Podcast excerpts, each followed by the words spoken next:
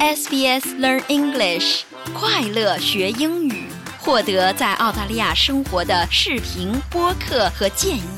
sbs 点 com 点 au 前斜线 Learn English。到 SBS On Demand 看有中文字幕的电视电影，SBS 中文集锦，详情请登录 sbs.com.au 前斜杠 mentoring。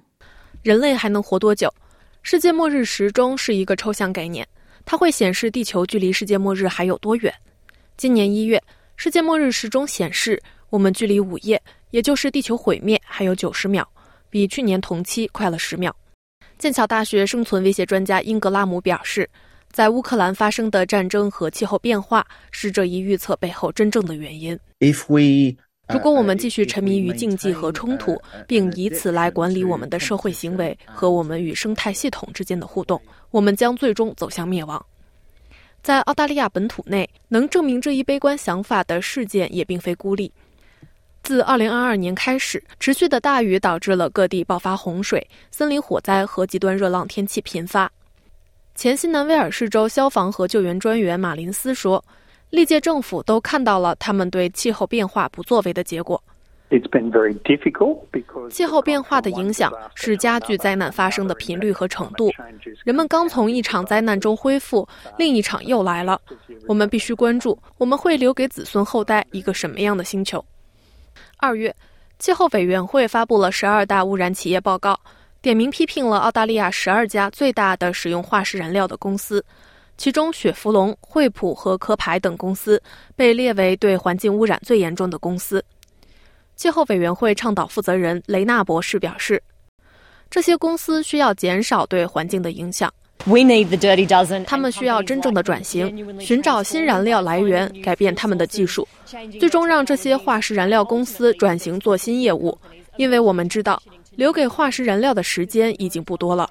然而，澳大利亚目前的能源网络仍然需要煤电来满足需求。联合国秘书长古特雷斯抨击，经济大国正在制造气候问题，而贫穷国家正在承担后果。资金成本高得吓人，而穷国获得的经济支持少之又少。这些国家没有做任何造成气候灾难的事。三月，政府间气候变化专门委员会发布了一份报告。证实了人类确实造成了全球变暖，温室气体的排放仍在继续增加。政府的温室气体排放法案于三月底通过，这一决定迫使澳大利亚境内二百一十五家大型温室气体排放公司每年减排百分之四点九。与此同时，世界气象组织警告称，全球海平面上升的速度是一九九三年至二零零二年十年间的两倍之多。联合国秘书长塔拉斯表示：“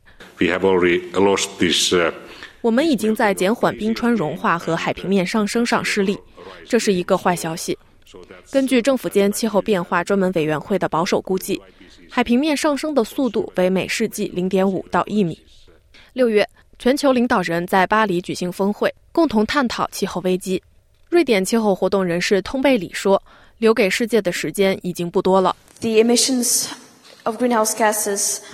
温室气体排放达到了历史最高水平，大气中的二氧化碳浓度在整个人类历史上都没有这么高过，而我们仍然正在朝着错误的方向前进。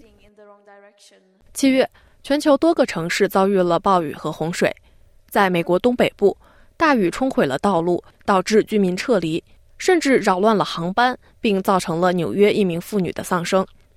印度首都新德里也遭遇了强降雨引发的混乱，北部山区的山洪爆发和山体滑坡灾难造成了至少十五人死亡。中国中部和东北部省份也经历了暴雨的侵袭，而此前中国北部刚刚度过了炎夏所带来的热浪、洪水和干旱。极端的热浪在夏天席卷了北半球，让今年七月成为了地球上有史以来最热的月份。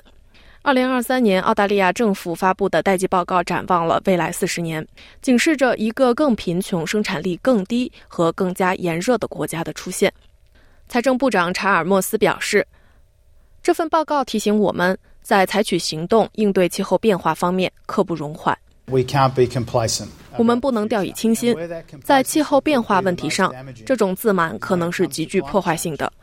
我们曾经在气候问题上沾沾自喜，这让我们浪费了很多时间。二零二三年的大西洋飓风季是有记录以来第四活跃的大西洋飓风季，有二十场风暴被命名，是自一九三三年以来最糟糕的一次。八月份，飓风伊达利亚袭击了佛罗里达州，风速超过每小时一百九十二公里，并伴有暴雨。美国总统拜登表示：“我认为没有人可以否认气候危机的影响。看看周围这些历史性的大洪水、更严重的干旱、极端的高温和肆虐的野火，这些极端天气造成了前所未有的破坏。这不仅发生在夏威夷群岛和美国，还发生在加拿大和世界其他地区。澳大利亚今年的夏天也可能会非常炎热，而且可能存在潜在危险。”气象局宣布了，澳大利亚已经进入了厄尔尼诺气候模式。紧急服务机构担心，这将增加全国各地发生森林大火的风险。今年在阿联酋迪拜举行的联合国气候变化大会 （COP28） 上，各种因气候变化所导致的灾难被一一陈列。COP28 的最重要成果之一是成立了一个损失和损害基金，用来支持受全球变暖影响的国家。但许多国家因大会逐步淘汰化石燃料的承诺不够坚定而感到失望。科学家表示，气候变化是人类面临的最危险的问题，但2024年人类是否能在此问题上取得进展仍有待商榷。了解澳洲，融入澳洲，欢迎登录 sbs 点 com 点 au 前斜杠 language 前斜杠 mandarin，获取更多澳大利亚新闻和资讯。